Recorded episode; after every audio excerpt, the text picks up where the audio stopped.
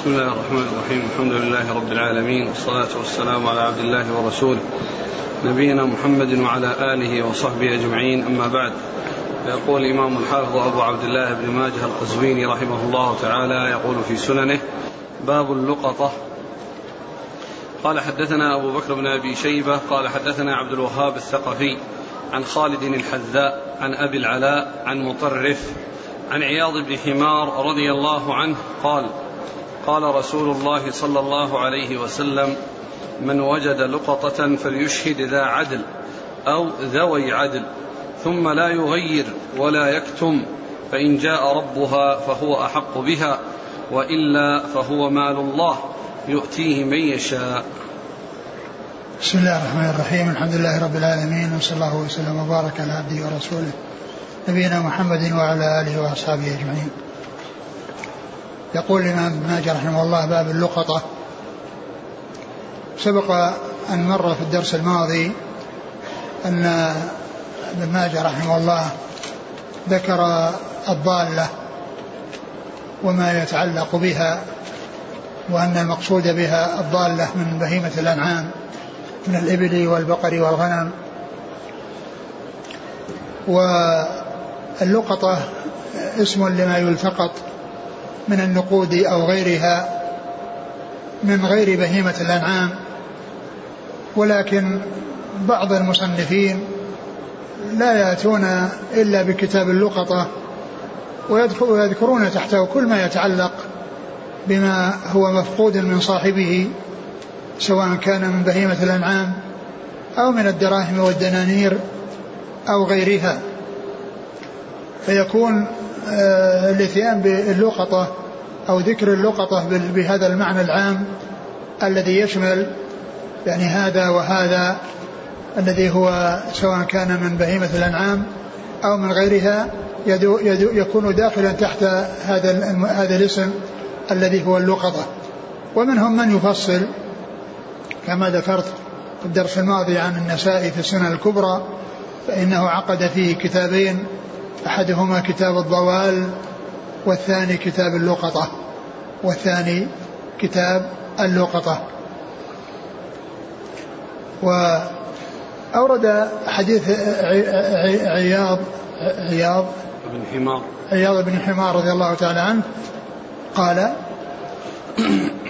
قال رسول الله ما وجد لقطة فليشهد ذا عدل أو ذوي عدل.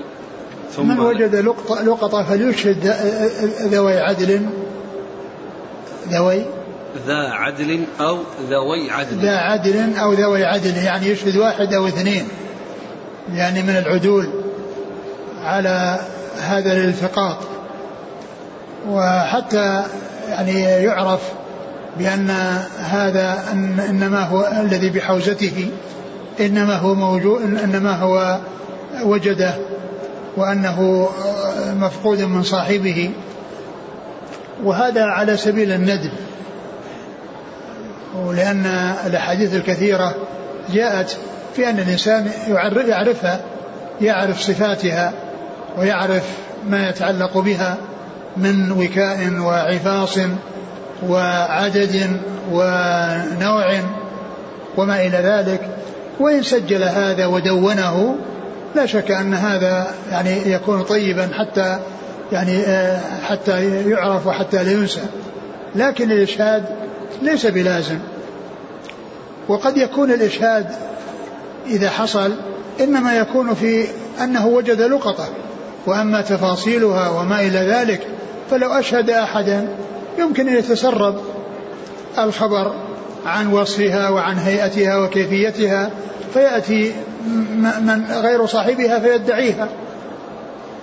ولكن إذا إذا حصل الإشهاد وكان على أنه وجد نقودا أنه وجد نقودا أو أنه وجد يعني نوعا معين كذا ولا يعرف حقيقة صاحبه إلا بوصفه الوصف الدقيق الذي يعرف أنه صاحبه فإن ذلك يكون كافيا وإن لم يكن هناك إشهاد لأن الإنسان إذا كان وجد اللقطة وقد عرف عددها وعرف نوعها وعرف يعني وعاءها وعرف وكاءها وعرف كل ما يتعلق بها ثم جاء شخص وذكر هذه الصفات الدقيقة فيها لا شك أن هذا بينة واضحة بأنه صاحبها. بينة واضحة بأنه صاحبها. قال فليشهد عليه هذا عدل أو ذو عدل ثم لا يغير ولا يكتم. ثم لا يغير يعني ولا يكتم.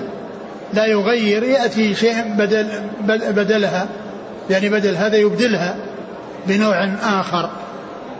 ولا يكتم بمعنى أنه يخفيها ولا آه، ينادي بها أو يعني ينشدها. نعم. فإن جاء صاحبها فإن جاء ربها فهو أحق بها. فإن جاء ربها يعني في حدود سنة كما جاء في الأحاديث الأخرى. فهو أحق بها وهو صاحبها وإلا فهو مال الله يؤتيه من يشاء. وقد جاء في بعض الأحاديث الصحيحة أنها تكون للملتقط وأنه يضمها إلى ماله ويستفيد بها. ولكنه إن جاء صاحبها فيما بعد إن جاء صاحبها فيما بعد أخبره فإن أقر آه، أخبره بذلك فإن فإذا طلب فإذا وصف الوصف الدقيق الذي آه، آه، يدل على أنه صاحبها فإنه يعطيها إياه. فإنه يعطيها إياه إذا كان تملكها. وإن كان تصدق بها يعني ولم يتملكها فإنه يخبر صاحبها. إن أقر ذلك وإلا فإنه يدفعها إليه. نعم. قال حدثنا أبو بكر بن أبي شيبة ثقة أخرج أصحاب الكتب إلا الترمذي. عن عبد الوهاب الثقفي. ثقة أخرج أصحاب الكتب. عن خالد الحذاء. خالد بن مهران ثقة أخرج أصحاب الكتب. عن أبي العلاء. وهو؟ ثقة أخرج أصحاب الكتب. نعم. عن مطرف. مطرف بن عبد الله ثقة أخرج أصحاب الكتب. عن عياض بن حمار. رضي الله عنه أخرج له. البخاري في المفرد ومسلم وأصحاب السنن. نعم.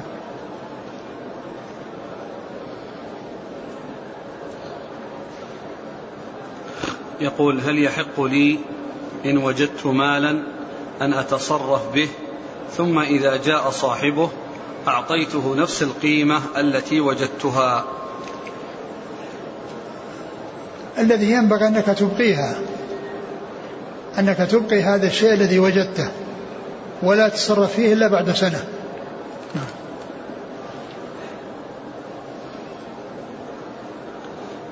قال حدثنا علي بن محمد قال حدثنا وكيع قال حدثنا سفيان عن سلمة بن كهيل عن سويد بن غفلة قال خرجت مع زيد بن صوحان وسلمان بن ربيعة حتى إذا كنا بالعذيب التقطت سوطا فقال فقال لي ألقه فقال فقال لي هذا موجود في لفظ البخاري ومسلم بالتثنية.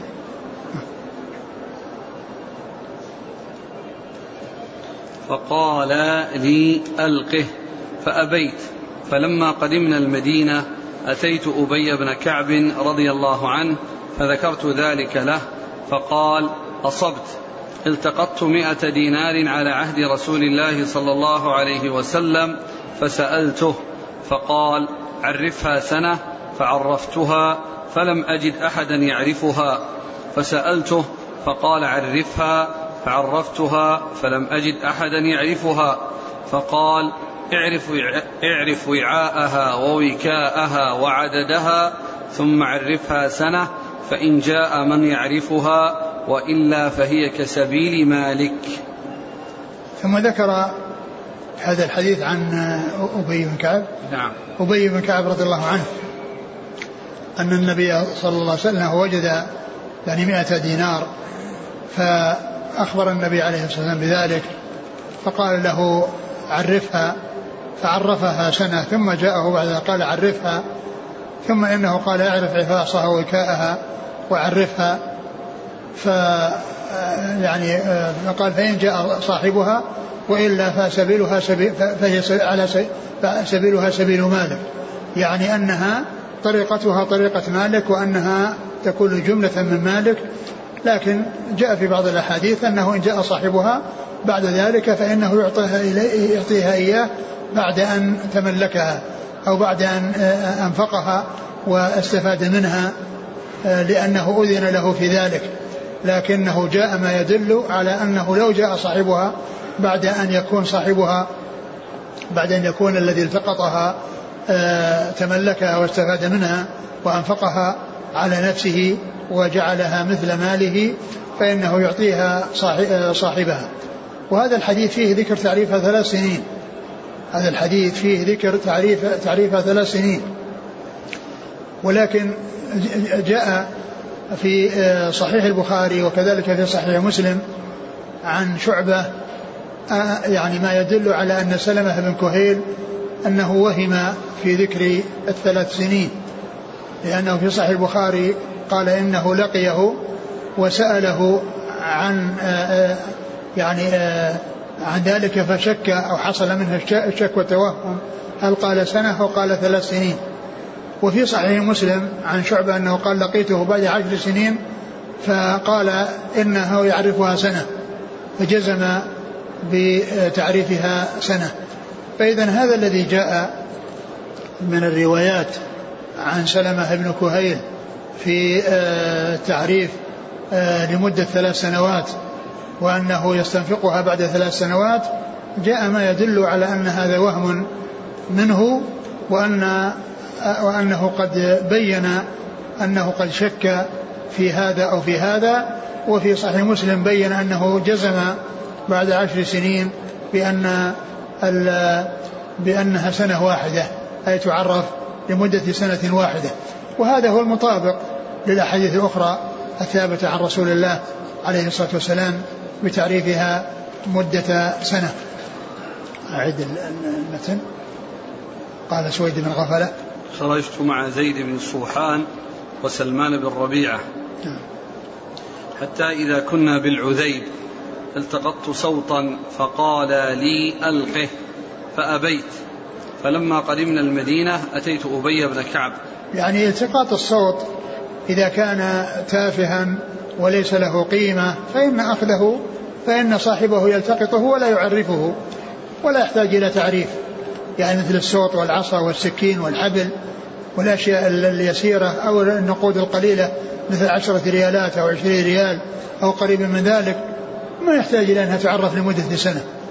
فالإنسان إما أنه يأخذها أو يتصدق بها عن صاحبها إما يستفيد هو منها أو يتصدق بها عن صاحبها ولا يحتاج إلى أن يعرفها لمدة سنة وهي تافهة ويسيرة ولا تتبعها همة أوساط الناس. ثم يعني فنهياه يعني أن يأخذ ذلك فأخذه واستمر به ولما جاء إلى المدينة سأل أبي بن كعب فأخبره أنه وجد يعني مئة دينار وأن النبي صلى الله عليه وسلم أمره بأن يعرفها وبعد ذلك سبيلها سبيل ماله. يعني أنها بعد مضي سنة يعرفها فسبيلها سبيل ماله. يعني معناه أنه ينفقها على نفسه أو يتصرف فيها كما يتصرف بماله. لكن كما قلت جاء في بعض الحديث ما يدل على أنه إذا استنفقها بعد مضي سنة ثم جاء صاحبها ووصفها الوصف الدقيق الذي يدل على أنه صاحبها فإنه يعطيها إياه. فإنه يعطيها إياه. فال فالحديث يعني فيه ثلاث سنين ولكن كما قلت يعني جاء في الصحيحين ما يدل على شكه وفي صحيح مسلم ما يدل على جزمه بعد عشر سنين بأن بأنها سنة واحدة وهو الذي يتفق مع الأحاديث الأخرى في تعريف اللقطة وأنها لمدة سنة وهذا في غير مكة والمدينة. أما مكة والمدينة فإنها تعرف مطلقا ولا تقيد بسنة والسبب في ذلك أن الناس يترددون على مكة والمدينة. فقد يأتي إنسان للحج أو للزيارة في وقت من الأوقات ويضيع منه شيء ثم في السنة الآتية يأتي ويسأل عنه أو في السنة التي بعدها يأتي ويسأل عنه. لأن الناس يترددون على على هاتين المدينتين المقدستين فصار لهما حكم خاص وأنها لا تحل لقطتهما إلا لمنشد. لا تحل لقطتهما إلا لمنشد.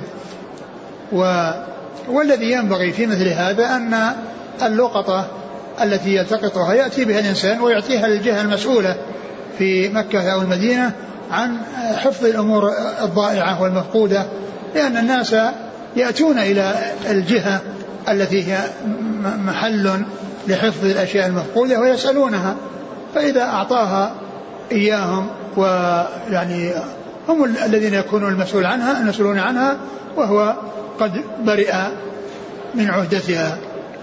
الحاصل أن مكة والمدينة لهما حكم خاص بحيث أنه لا يقتصر على سنة واحدة وإنما يعني تنشد مطلقة وإذا مضت السنون الكثيرة فينبغي أن يتصدق بها عن صاحبها. نعم.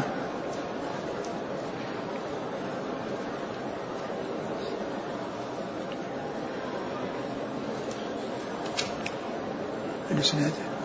قال حدثنا علي بن محمد.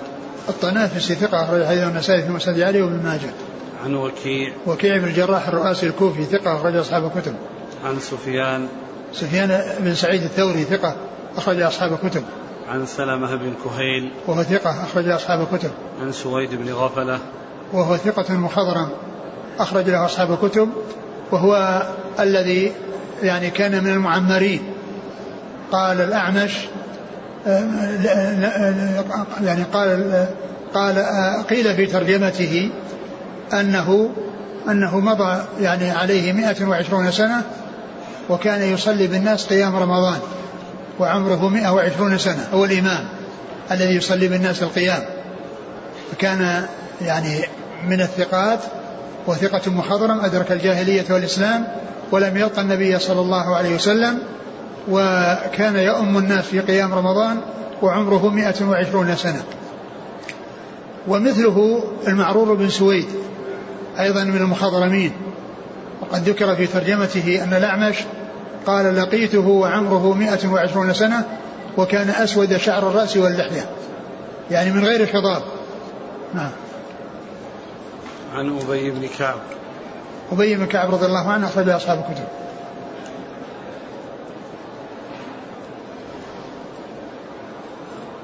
يقول إذا كان الشيء مما يفسد بالمكث فهل يعرف أيضا سنة؟ لا ما يعرف. الشيء الذي يتلف ويخشى أن يتلف مثل بعض الفواكه لا يعرف سنة ولكن يتصدق به عن صاحبه.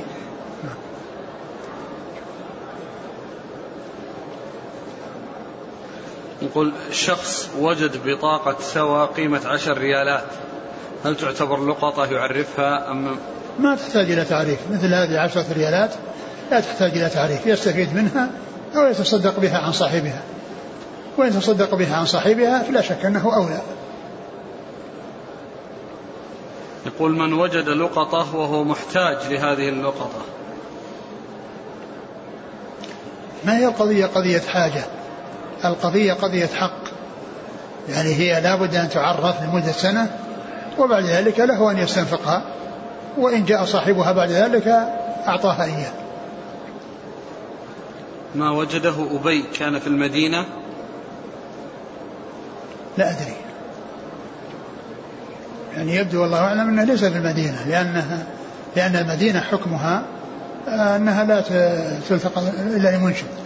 وحديث أبي فيه تحديد يعني للنشدان يعني يعني بثلاث أو أو بسنة. والثلاث يعني ليست متحققة وإنما هي وهم والسنة هي المتحققة. وهذا الحكم إنما يكون لغير مكة والمدينة. أو يكون يعني أنه في المدينة ولكن قبل أن يعني يأتي عن النبي صلى الله عليه وسلم ما يدل على أن المدينة حكمها أو حكم لقطتها حكم لقطة مكة.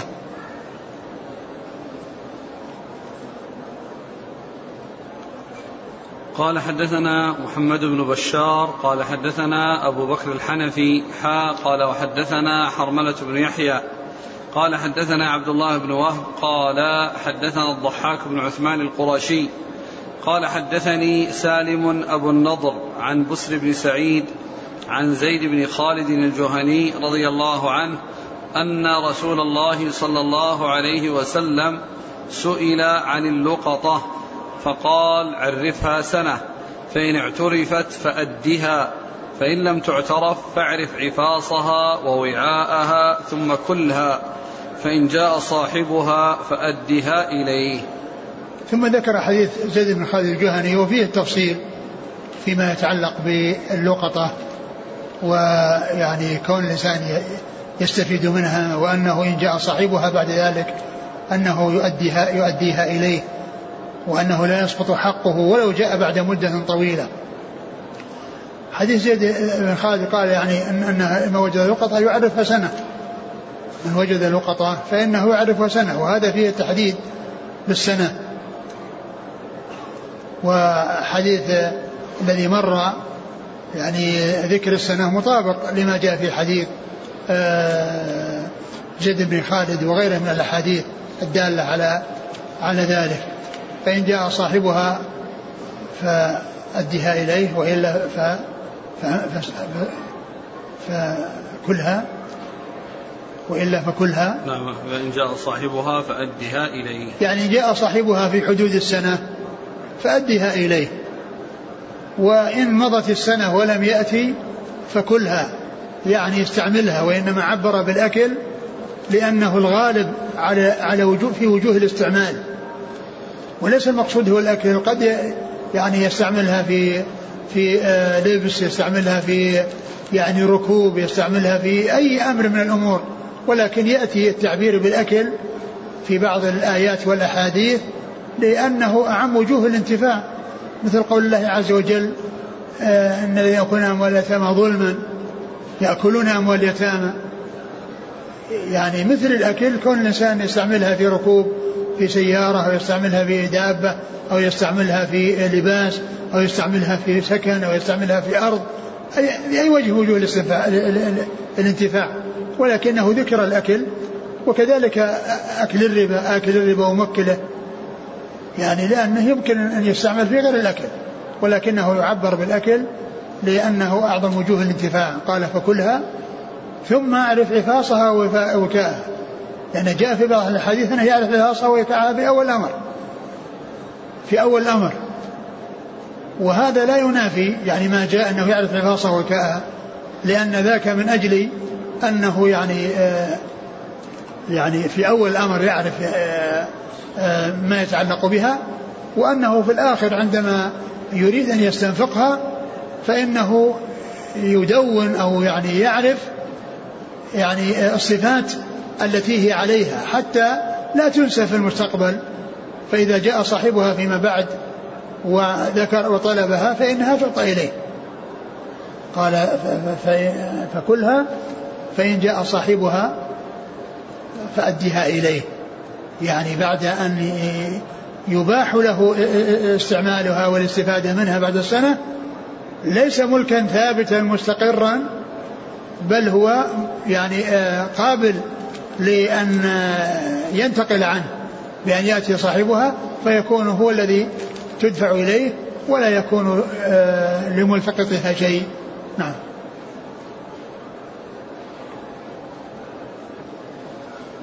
قال حدثنا محمد بن بشار.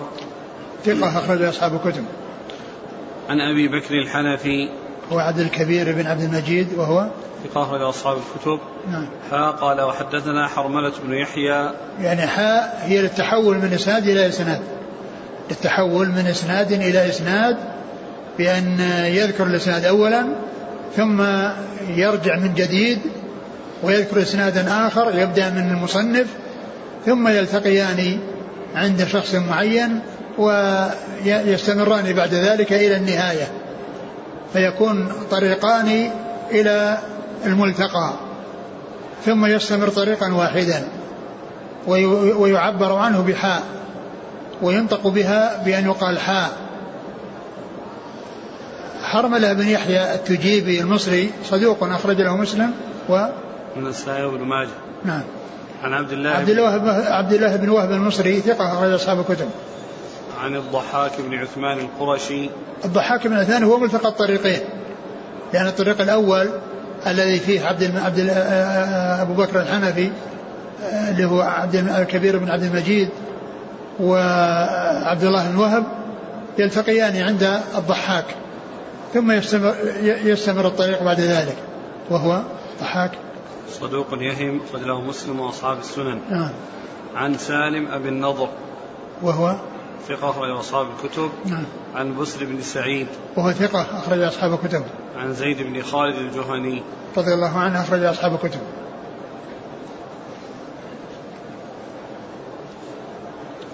يقول السائل إذا سرقت مني اللقطة أو ضاعت هل أضمنها؟ الملتقط أمين على ما بيده فإن كان مفرطا ضمنها. وإن كان غير مفرط فإنه لا ضمان عليه. إذا كان مفرطا في حفظها. نعم. إنما المنفصل لهذه اللقطة فهذا يقول مثلا وجد قطيعا من الغنم وأخذه وولدت وعرفها وبعد سنة جاء صاحبها. الفرع تابع للأصل.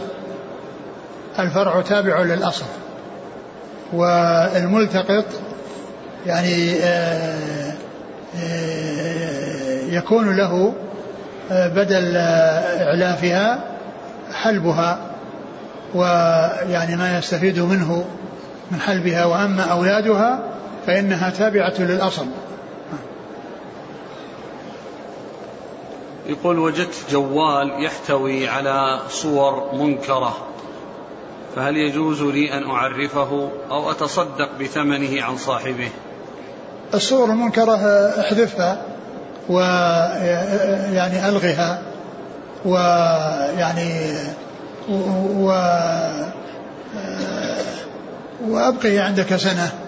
إن جاء صاحبها صاحبها أعطيها إياه وإلا فهو لك. وإن تصدقت به عن صاحبه فهذا حسن. وهو لك هذا ولك هذا. إن تصدقت به واستغنيت عنه لك ذلك وإن أخذته فإنه له لك ذلك.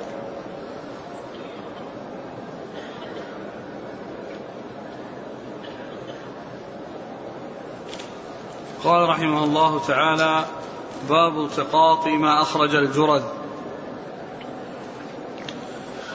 قال حدثنا محمد بن بشار قال حدثنا محمد بن خالد بن عثمة قال حدثني موسى بن يعقوب الزمعي قال حدثتني عمتي قريبة بنت عبد الله أن أمها كريمة بنت المقداد بن عمرو أخبرتها عن ضباعة بنت الزبير رضي الله عنها عن المقداد بن عمرو رضي الله عنه أنه خرج ذات يوم إلى البقيع وهو المقبرة لحاجته. وكان الناس لا يذهب أحدهم في حاجته إلا في اليومين والثلاثة فإنما يبعر كما تبعر الإبل ثم دخل خربة فبينما هو جالس لحاجته إذ رأى جرذا أخرج من جحر دينارا ثم دخل فأخرج آخر ثم أخرج سبعة عشر دينارا. ثم أخرج طرف خرقة حمراء. قال المقداد فسللت الخرقة فوجدت فيها دينارا فتمت ثمانية عشر دينارا. فخرجت بها حتى أتيت بها رسول الله صلى الله عليه وسلم فأخبرته خبرها فقلت خذها صدق خذ صدقتها يا رسول الله. فقال ارجع بها لا صدقة فيها بارك الله لك فيها ثم قال لعلك أتبعت يدك في الجحر. قلت لا والذي أكرمك بالحق. قال فلم يفن آخرها حتى مات. ثم ذكر باب باب ما؟ باب التقاط ما أخرج الجرد. باب التقاط ما أخرج الجرد. الجرد هو يعني آه، ضرب من الفأر كبير من أكبر أو يقال أنه ذكر الفأر وأنه كبير.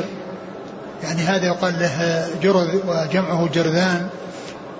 فذكر هذا الحديث عن عن المقداد. نعم.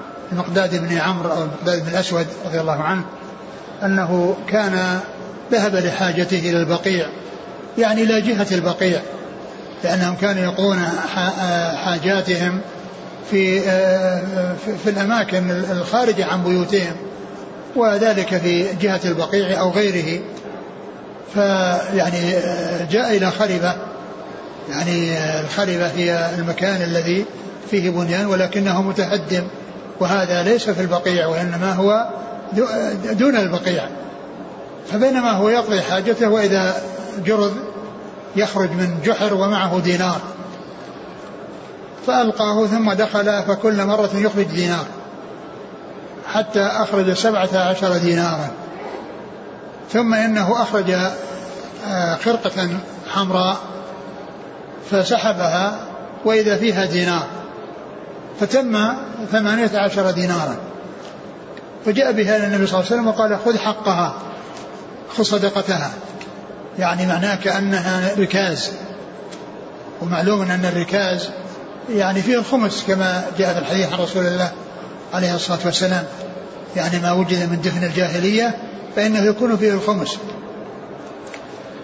ف آه، قال آه، خذ صدقتها يعني خذ آه، حق الله منها.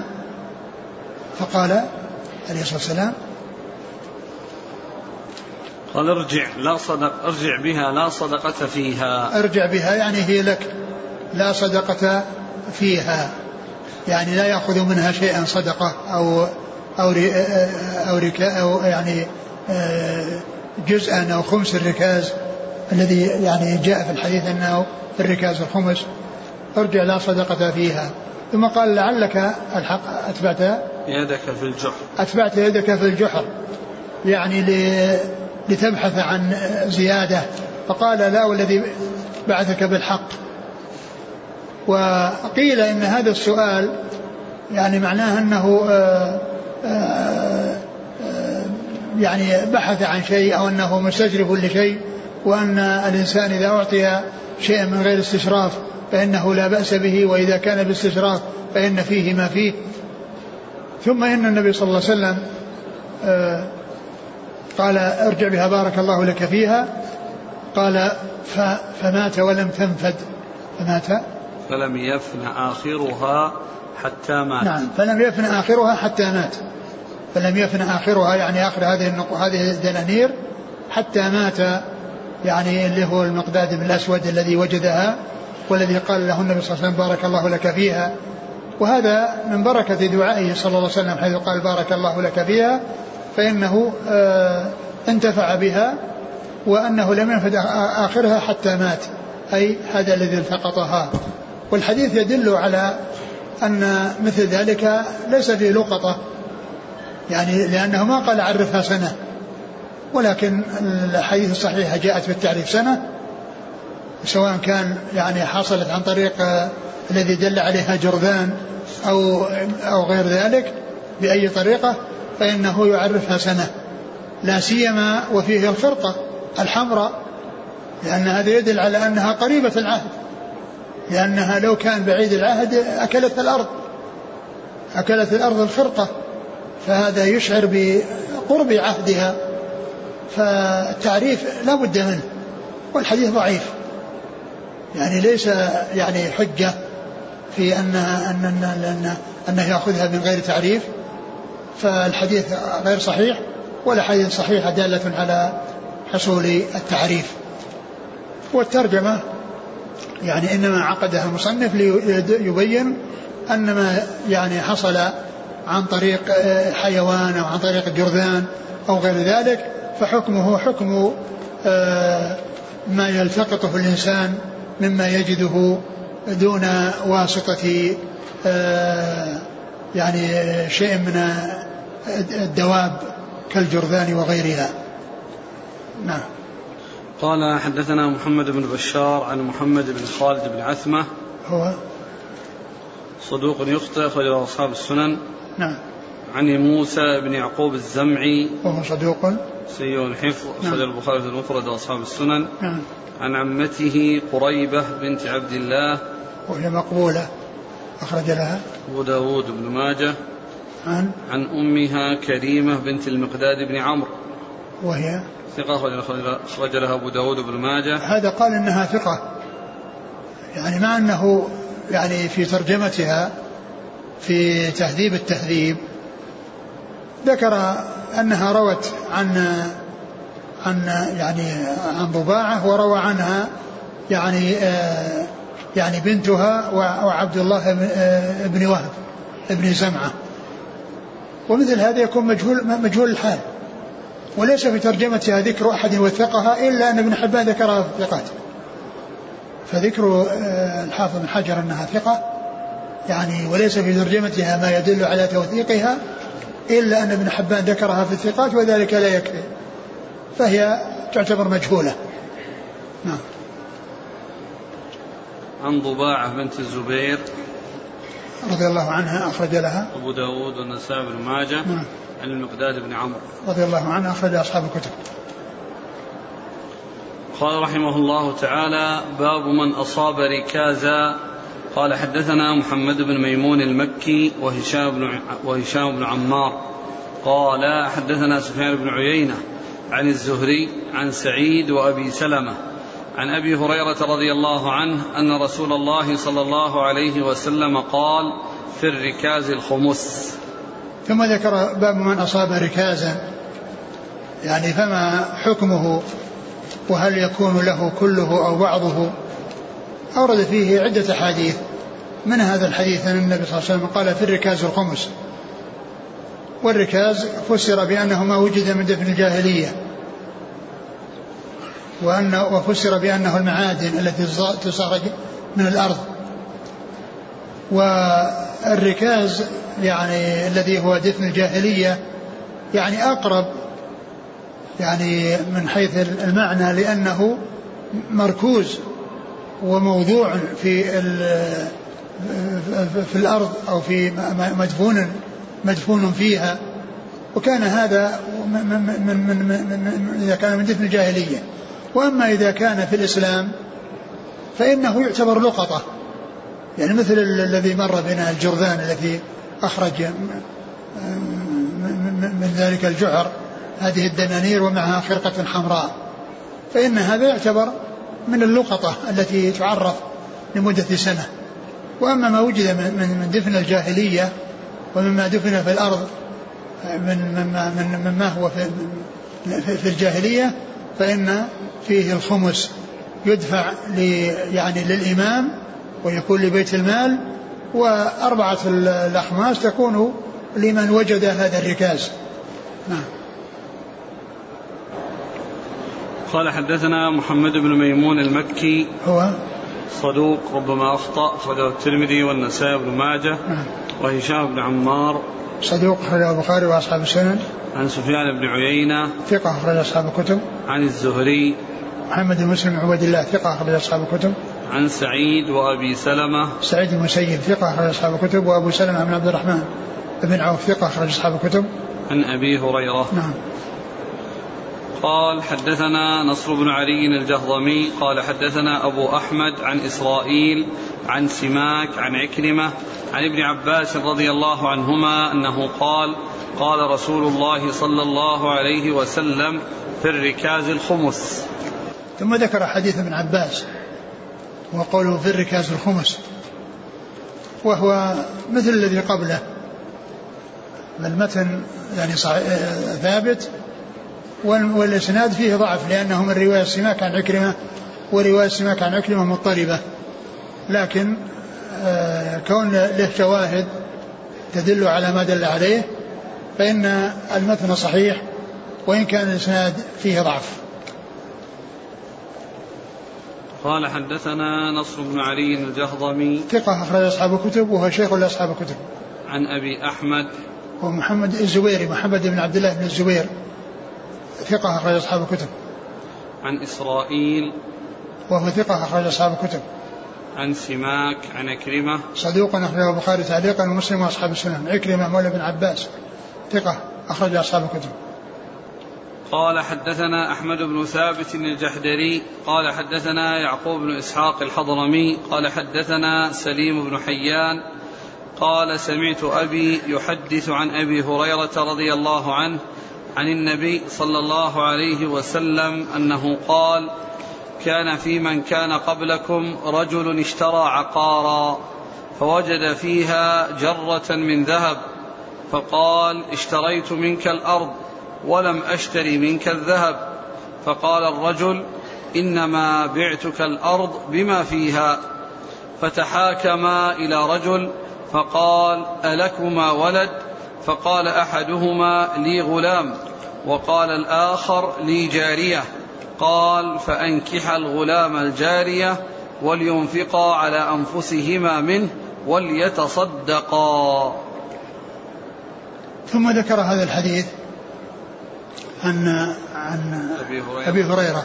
أنه قال كان فيما في من قبلنا عن النبي صلى الله عليه وسلم كان من قبلنا رجل كان له عقار يعني أرض. باعها على رجل فوجد المشتري فيها جرة من من, من ذهب. نعم. جرة نعم. نعم جرة من ذهب. جرة من ذهب. يعني جرة يعني وعاء يعني مشتمل على ذهب. فجاء الذي وجده إلى صاحب الأرض التي باعها وقال إنما اشتريت منك الأرض. وما اشتريت ذهب أنا اشتريت أرض. يعني يريد أن يتخلص من هذه الجرة. فذاك قال إن بعتك الأرض بما فيها. بعتك الأرض بما فيها. أيضا هذا يريد أن يتخلص من هذه الجرة. يعني كل واحد آه، يعني لا يريد هذه الجرة. فتحاكم إلى شخص فقال ألكما ولد؟ فقال أحدهما لابن والثاني قال عنده بنت. قال زوج يعني يتزوج الولد على البنت ولينفق على أنفسهما من هذه الجرة وليتصدقا. ولينفق على أنفسهما من هذه الجرة وليتصدقا. فإذا تكون الفائدة لنسلهما. ولأولادهما بحيث أن يكون أحدهما زوج والثاني زوجة والمال يكون لهما جميعا ولا يعدوهما فينفقان على أنفسهما منه ويتصدقان ومحل الشاهد يعني من ذكر من ذكر الركاز أنه وجد هذه الجرة. وكل واحد منهم وكل واحد منهم يعني آآ آه، آآ آه، تخلص منها أو يعني يتخلص منها. هذا هو الذي حكاه الرسول عليه السلام فيما كان قبلنا.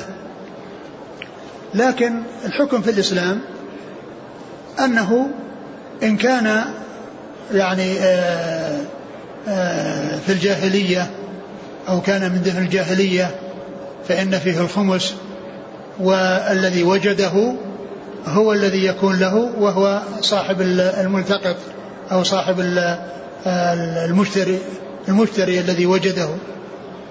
وإن كان يعني ليس من دفن الجاهلية فهو لقطة يعرفه سنة. وإذا مضى يعني مضى السنة فإنه يستعمله كما يستعمل ماله يستعمله كما يستعمل ماله. هذا هو الحكم في الإسلام لأن هذا إخبار عن من كان قبلنا وأنه حصل والحكم عندنا في الإسلام أن هذا إن كان من دفن الجاهلية ففيه الخمس لبيت المال والباقي للملتقط الذي هو المشتري الذي وجده. وإن كان آه، وإن كان ليس من دفن الجاهلية وإنما يعني هو كان في الإسلام فإنه لقطة وحكمه حكم اللقطة يعرفه سنة وإن جاء وهو هذا الملتقط ليس البائع الملتقط المشتري. فإن مضت سنة وهو لم يأتي أحد آه، يعرفه ويدفعه إليه فإنه يجعله أو يضيفه إلى ماله ويستفيد منه. هذا هو الحكم في الإسلام فيما يتعلق بهذه الصورة. آه. قال حدثنا أحمد بن ثابت الجحدري. هو؟ صدوق ابن ماجه. آه. عن عن يعقوب بن إسحاق الحضرمي. وهو؟ صدوق له مسلم وأبو داود والترمذي في الشمائل والنسائي بن ماجه. نعم. عن سليم بن حيان. سليم بن حيان ثقة أخرج أصحاب الكتب. عن أبيه عن أبي حيان وهو مقبول أخرج له. ابن ماجه. ابن ماجه. عن أبي هريرة. وهذا ال ال الحديث في إسناد آه، حيان والد سليم وهو مقبول لكن الحديث الصحيحين. لأنه جاء من طريق آه، همام ابن منبه يرويه عن أبي هريرة يعني فهو متابع والحديث في الصحيحين ثابت من غير هذه الطريق. وهو من صحيفة همام منبه ابن منبه صحيفة همام بن منبه التي يرويها عن أبي هريرة تشتمل على مئة وأربعين حديثا تقريبا. صحيفة طويلة تشتمل على مئة وأربعين حديثا. بين كل حديث وحديث وقال رسول الله صلى الله عليه وسلم كذا. يعني وقال رسول الله كذا وقال رسول الله كذا وقال كذا يأتي وقال الرسول صلى الله عليه وسلم 140 مرة. يعني أحاديث متعددة يفصل بين كل حديث وحديث في هذه الصحيفة جملة وقال رسول الله صلى الله عليه وسلم كذا. وهذه الصحيفة كلها صحيحة. وهي في مسند الإمام أحمد في مسند الإمام أحمد من حديث أبي هريرة. والبخاري انتقى منها أحاديث ومسلم انتقى منها أحاديث وترك أحاديث. وهذا يبين أن البخاري ومسلم لم يلتزم بإخراج كل حديث صحيح لأن الصحيفة 140 ومع ذلك البخاري أخذ منها وترك ومسلم أخذ منها وترك فلو كان التزم بإخراج بإخراج كل حديث صحيح لا أخرج كل ما فيها. لا أخرج كل ما فيها. لكن كل منهما انتقى وقد يتفقان يتفقان في شيء منها وينفرد كل واحد منها بأشياء منها وهي بإسناد واحد صحيح. وأول الصحيفة نحن الآخرون الأولون. نحن الآخرون الأولون هذا أول الصحيفة. فكان يعني بعض العلماء مثل البخاري عندما يروي حديثا من أحاديثها يسوق الإسناد ثم يأتي بالجملة التي يريد ويقول قال رسول الله عن أبي قال قال رسول الله كذا وكذا. قد تكون في آخر الصحيفة. أما مسلم رحمه الله فإنه له طريقة خاصة في الرواية من الصحيفة. يذكر الإسناد عن شيخه محمد بن رافع عن عبد الرزاق عن معمر عن همام عن أبي هريرة.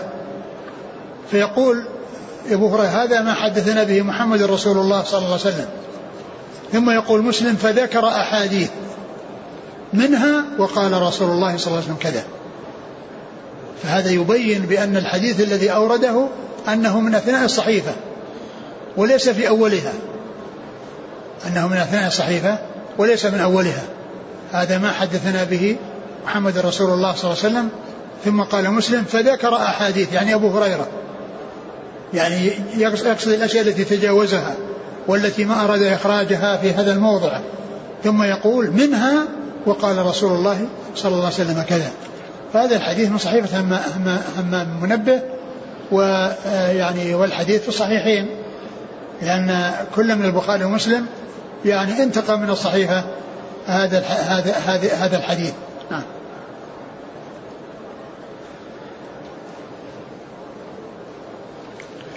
قال رحمه الله تعالى كتاب العتق. قال باب المدبر. قال حدثنا محمد بن عبد الله بن نمير. وعلي بن محمد قال حدثنا وكيع قال حدثنا إسماعيل بن أبي خالد عن سلمة بن كهيل عن عطاء عن جابر رضي الله عنه أن رسول الله صلى الله عليه وسلم باع المدبر. ثم قال كتاب العتق. والعتق هو عتق الرقاب وفكها من العبودية. وقد جاءت النصوص الكثيرة في الترغيب في فك الرقاب. يعني كلها تدل على فضله وعلى أنه من أشرف الأعمال ومن أفضل الأعمال.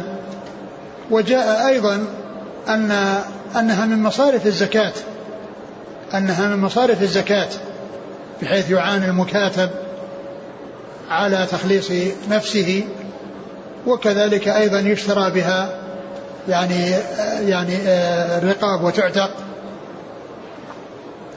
ثم ذكر باب المدبر. والمدبر هو الذي علق عتقه على موت المعتق. بأن يقول يعني هذا العبد حر بعد موته. فيعلق عتقه على وفاته أي وفاة المعتق. وقيل له المدبر لأنه لأن الموت يأتي بعد الحياة. يأتي دبر الحياة. لأن لأن المدبر علق على الموت والموت يأتي بعد الحياة. فهو دبر الحياة يعني وراءها. وبعدها فقيل لهذا النوع من العتقاء المدبر. ثم ذكر هذا الحديث عن جابر رضي الله عنه أن النبي صلى الله عليه وسلم باع المدبر. والمدبر آه، آه، هو وصية. يعني مثل من جملة الوصايا. ومعلوم أن الإنسان في الوصية يمكن أن يغير ويمكن أن يبدل ويمكن أن يرجع عن عما عما, يريده وأن يحول الوصية من شيء إلى شيء. يحول وصية من شيء إلى شيء.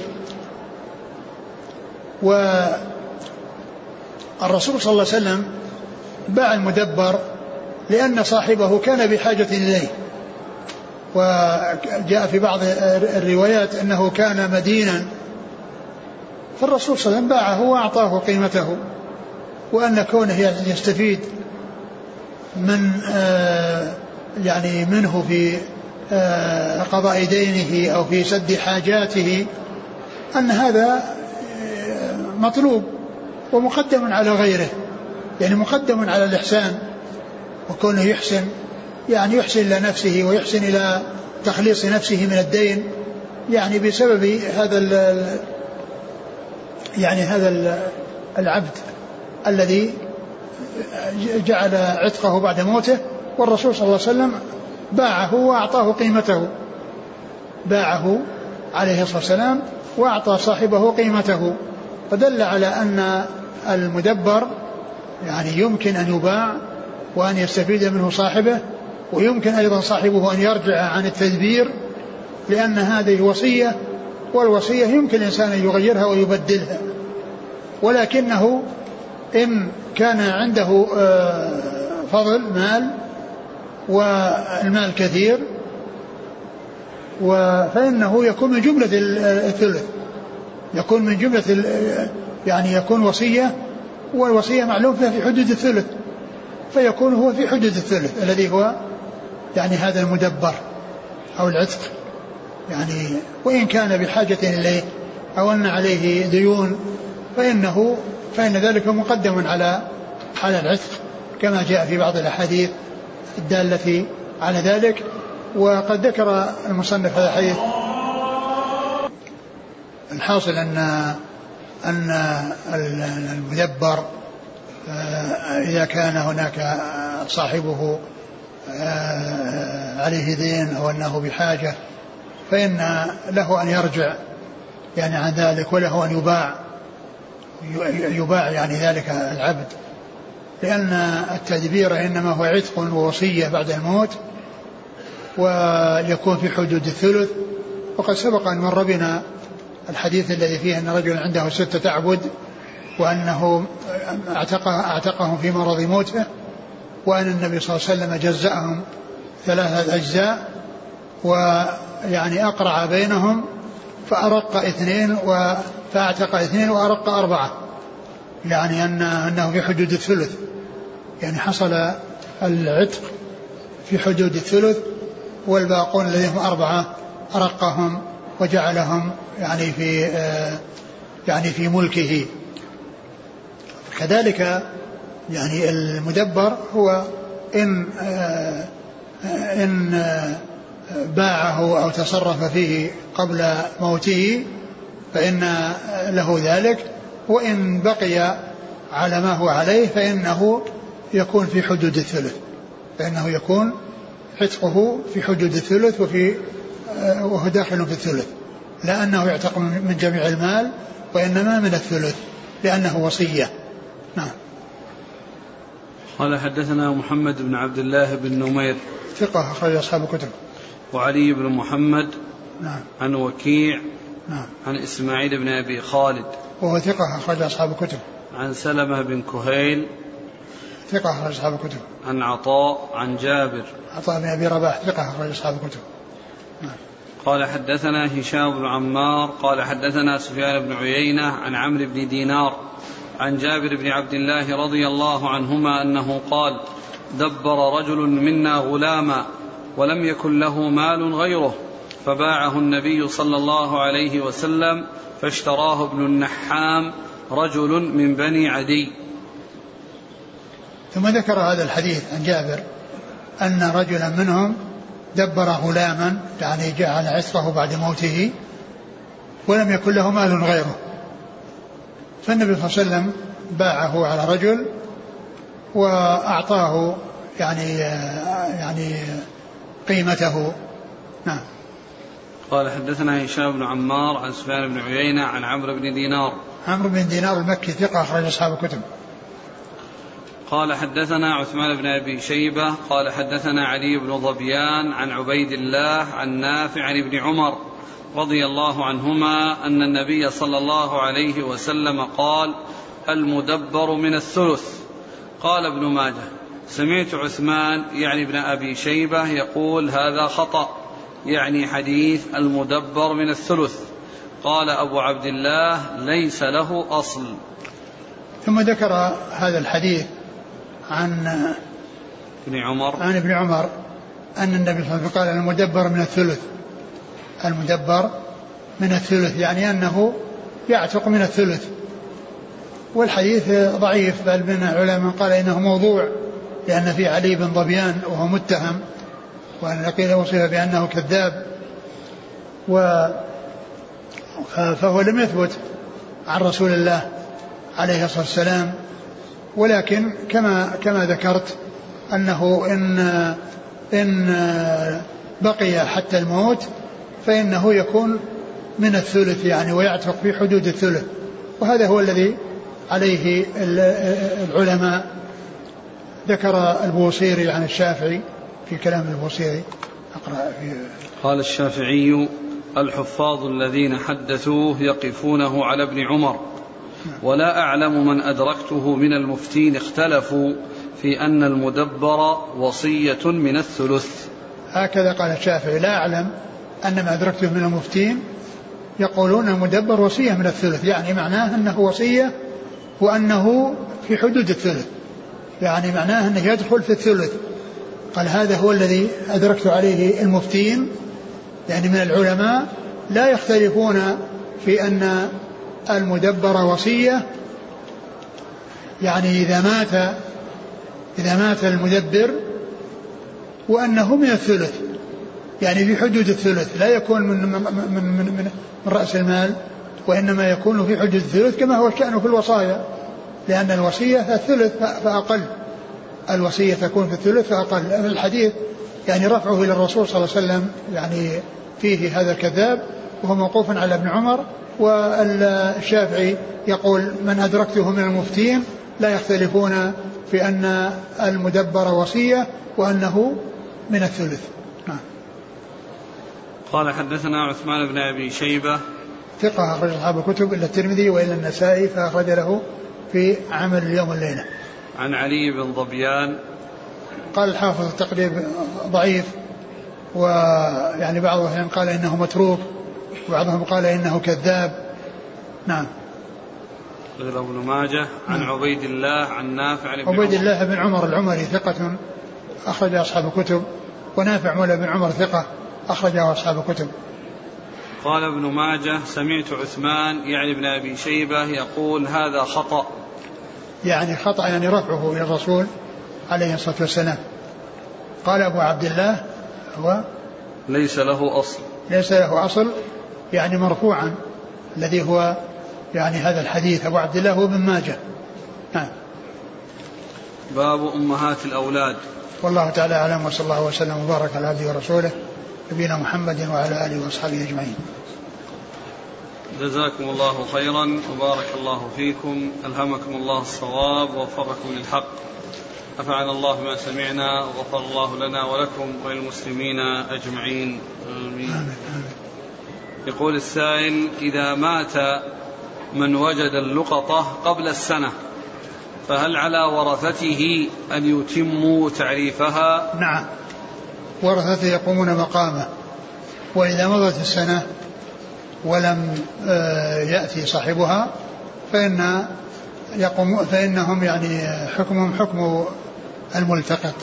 يعني يقومون مقامه فيستنفقونها وإن جاء صاحبها فيما بعد فإنهم يدفعونها إليه. يقول كذلك إذا كان هذا الواجد للقطة قد استنفقها ثم مات قبل تمام السنة فهل على ورثته ضمانا إذا جاء صاحبها.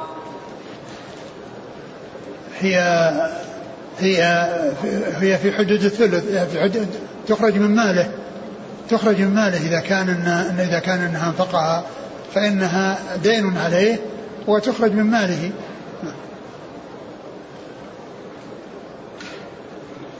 يقول آه، وجد شخص مالا في محفظة.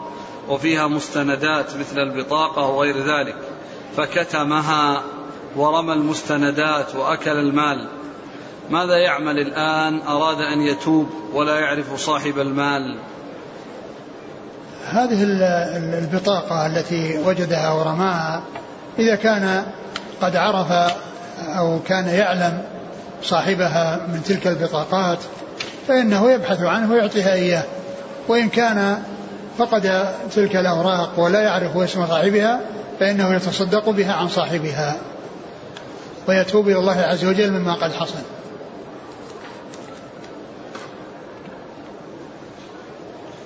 يقول آه، آه، رجل في الحراج يبيع جوالات يرفع صوته يقول لقطة الحرم للبيع يكررها فهل يجوز لي أن أشتري منه؟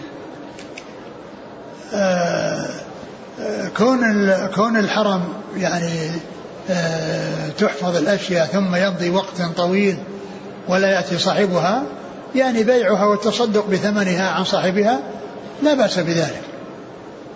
هذا هو الذي ينبغي. لكن كونه يعلن عليها لقطة الحرم ما يصلح. هذه تباع وينادى عليها كما تباع سائر الأشياء لكن لا يقال لا يقال لقطة الحرم. ولكن الحكم كما قلت كما قلت يعني حيث يعني مضى وقت ولم يأتي صاحبها فكونها تباع ويتصدق بها عن صاحبها هذا هو الذي ينبغي. أسئلة جاءت في ما هو الأولى للإنسان إذا وجد مال أو شيء ذا ثمن؟ يأخذه ويعرفه أو يتركه لأن والله إذا كان إذا كان إذا كان تركه إياه يعني عرضة لأن يأتيه من أو يأخذه من يضيعه أو يأخذه من لا ذمة له ولا يعني آه، آه، أمانة له فإن كونه يأخذه ويعرفه أو يعطيه إلى جهة مسؤولة يعني تتولاه هذا هو الأولى.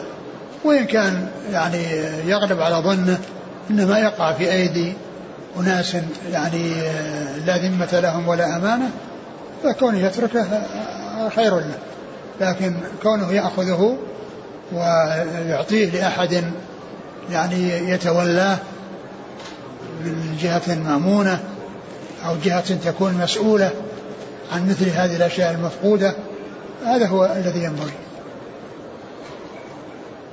يقول عندنا في البلد إذا وجدت مثل الغنم أو البقر فإن ولي الأمر يستلمها ويتصرف فيها قبل السنة فهل تسلم إليه أو يحتفظ بها؟ إذا كان الذي تعطى إليه يتصرف بها قبل السنة ولا يقوم بتنفيذ الحكم الشرعي فيها فإن كل إنسان يبقيها عنده ويعرفها سنة أو يعطيها لجهة أخرى. يعني تقوم بتعريفها سنة وإيصالها إلى صاحبها وأما التصرف فيها قبل سنة فهذا لا يجوز.